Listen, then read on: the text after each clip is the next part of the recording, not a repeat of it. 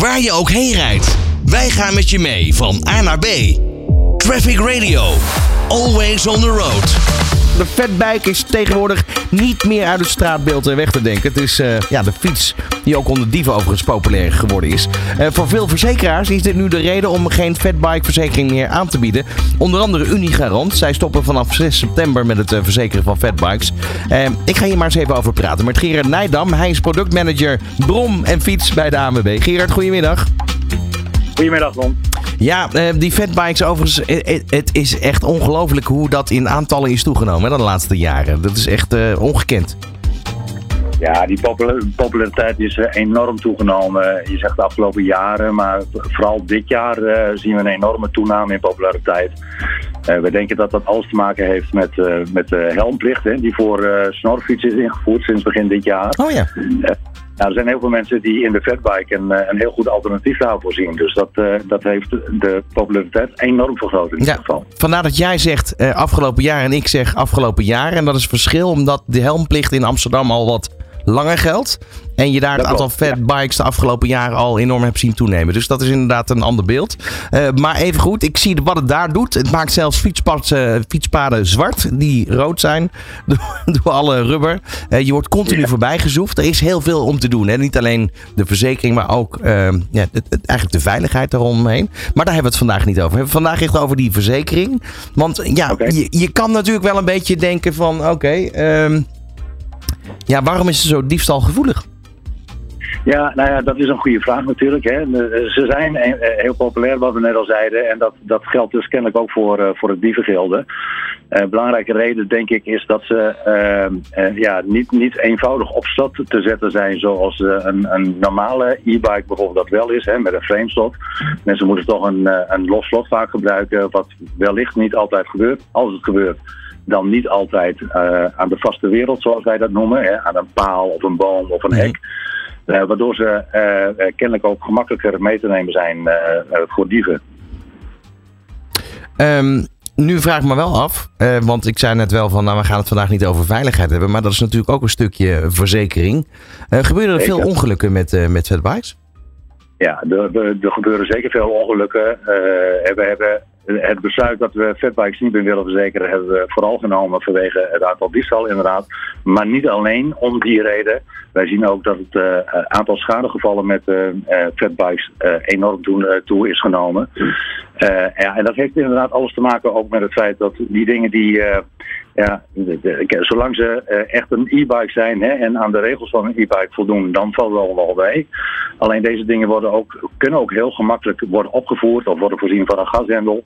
Uh, ja, en we zien toch ook, we denken toch ook wel dat dat uh, de verkeersveiligheid ernstige schade toebrengt. En ja, ja, dat is ook wat wij zien in onze, in onze schadecijfers. Toch even helemaal terug naar de basis. Heb je nu wel of niet een BROM-certificaat nodig voor een fatbike? Nou, dat ligt er een beetje aan. Als je een fatbike koopt waarvoor die oorspronkelijk bedoeld is, dus gewoon een uh, elektrische fiets, hè, zoals dat uh, ook is beschreven uh, bij het RDW bijvoorbeeld, dan heb je daar geen certificaat voor nodig, heb je geen helm nodig, kun je hem gewoon gebruiken zoals een, een normale e-bike. Op het moment echter dat je hem gaat opvoeren en of gaat uh, voorzien van een gashendel, waardoor hij zelfstandig kan rijden, ja, dan is het feitelijk een motorrijtuig geworden. En uh, uh, mag je daar eigenlijk alleen maar de openbare weg mee op, als die bijvoorbeeld ook is voorzien van een kenteken. en dan geldt inderdaad ook die helmplicht, dat je daar een rijbewijs moet hebben, dat je 16 jaar of ouder moet zijn. dus al die regels die dan voor brom- en snelfietsen gelden, gelden dan dus ook voor een fatbike. Ja, dus eigenlijk is het een soort hiaat geweest in de wet waar uh, mensen op een slimme wijze uh, misbruik, zou je kunnen zeggen, van gemaakt hebben. Nou, ik weet niet of je het direct een hiaat moet noemen. Kijk, wat we natuurlijk zien is er is bepaalde wetten en regelgeving, maar op het moment dat er uh, in het verkeer nieuwe objecten de markt opkomen, ja, dan zie je dat, dat de wetgeving zich daar dan nou, eerst op moet gaan beraden van wat doen wij met deze voertuigen, waarmee kunnen ze gelijkstellen. Um, en als daar dan aan, uh, uh, regels voor moeten worden aangepast, ja, daar gaat over het algemeen natuurlijk een tijdje overheen. Ja, jij bent nou betrokken geweest bij de keuze, hè, de overleggen ook, om uiteindelijk de verzekering af te schaffen voor de fatbikes. Klopt dat? Ja, dat klopt. Althans, we hebben het besluit genomen om voorlopig ze in ieder geval niet meer te, te verzekeren. En ja, daar ben ik inderdaad nauw bij betrokken geweest. Ja, wat betekent dat eigenlijk in de praktijk voor iemand die verzekerd was? Dat de verzekering gewoon stopt? Ja, we, uh, niet alleen nieuwe verzekeringen uh, die stoppen met ingang van 6 september aanstaande, maar we hebben ook gemeend dat we ook de bestaande verzekeringen en de bestaande klanten die een Fatbike bij ons verzekerd hebben, dat we die verzekering eerst moeten gaan opzeggen. Dat doen wij aan het eind van het verzekeringsjaar, hè, dus, dus afhankelijk van wanneer, wanneer de verzekering is afgesloten, zeggen wij aan het eind van dat betreffende jaar zeggen wij de verzekering aan de klanten op en die krijgen daar dus ook allemaal individueel bericht van.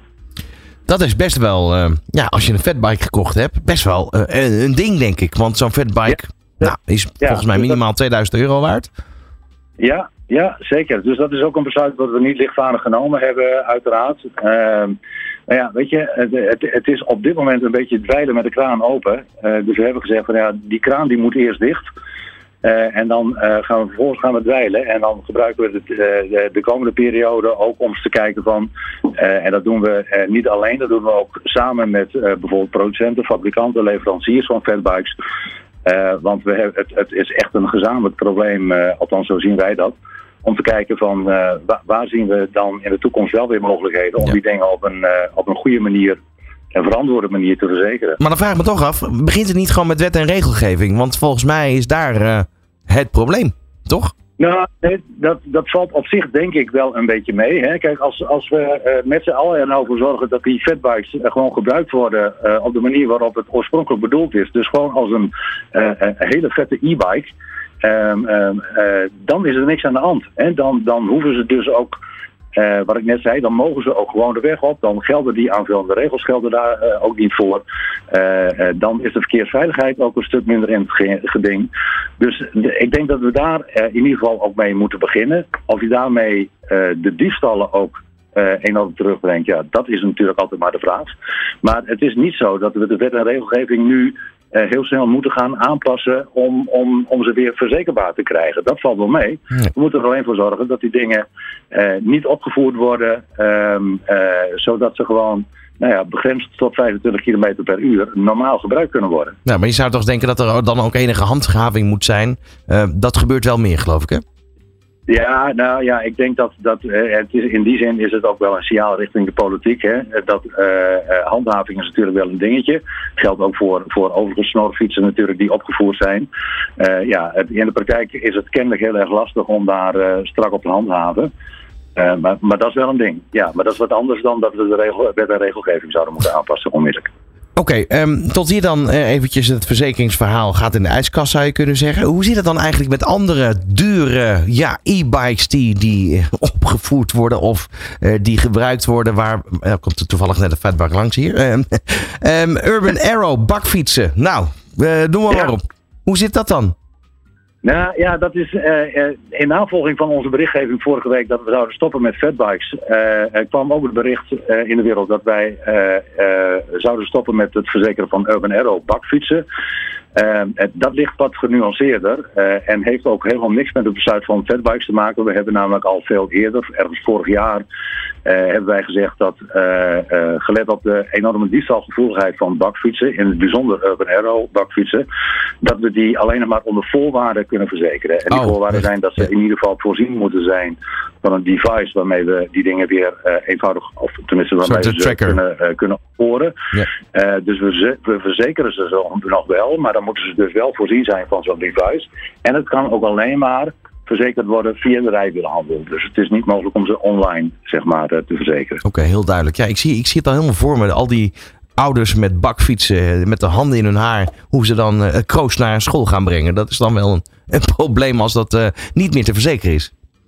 Ja, nee, maar ik, ik zie het er ook niet zelf van komen. Zie niet dat, dat gebeuren? Dat er okay. een uh, algehele stop komt op het verzekeren van uh, uh, bakfietsen hoor. Natuurlijk, ook daar zien we een probleem. Maar we zien dat natuurlijk in de hele fietsenbranche. Hè, de afgelopen jaren met een aantal diefstallen van fietsen. En dan heb je het over allerlei soorten fietsen.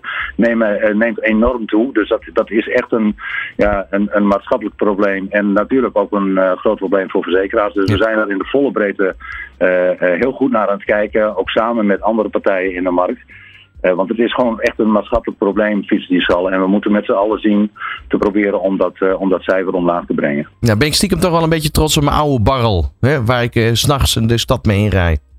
Ja, ja, nou ja, dat, terecht. Want die dingen die worden gewoon een stuk minder gestolen zijn. Wat iets minder interessant Sterker nog, afgelopen weekend, hij stond op het Leidseplein geparkeerd. Ik was vergeten de sleutel eruit te halen. Hij wordt nog niet meegenomen.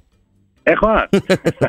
dat is wel heel bijzonder, zeker in Amsterdam. Ja toch? Nou, dat vond ik toch even noemenswaardig. Gerard, dankjewel voor nu. En uh, ja, we gaan het gewoon volgen. Oké, graag gedaan. 24 uur per dag de meest actuele verkeersinformatie. De beste car classics voor onderweg en de lekkerste is van nu. Traffic Radio.